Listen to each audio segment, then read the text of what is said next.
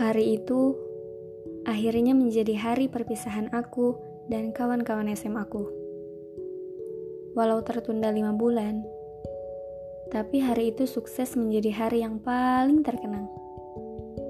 Karena setelah hari itu, kita semua mulai terpisah jauh, mengejar cita-cita dan impian yang sudah lama kita gantung. Pergi jauh untuk berjuang, dan kembali setelah sukses.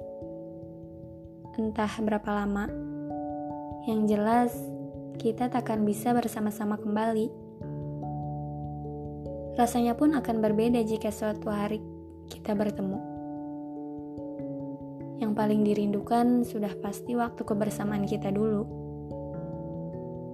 Hari itu menjadi hari yang tak terlupakan bagiku.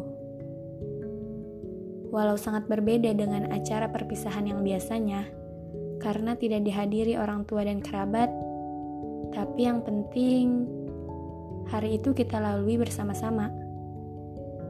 Doaku, semoga kalian semua menemukan kebahagiaan walau harus berjuang dan gagal beberapa kali. Tak apa gagal, asal semangat untuk berjuang masih mendarah daging.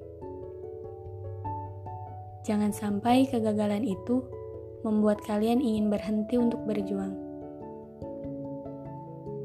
Karena pasti Tuhan sudah memiliki rencana terbaiknya untuk kita semua. Karena perpisahan adalah akhir dan juga awal. Akhir dari cerita kebersamaan kita selama tiga tahun, juga awal dari perjuangan kita untuk meraih mimpi. Semoga kita semua dapat bertemu lagi setelah sukses nanti. Sampai jumpa, kawan-kawanku.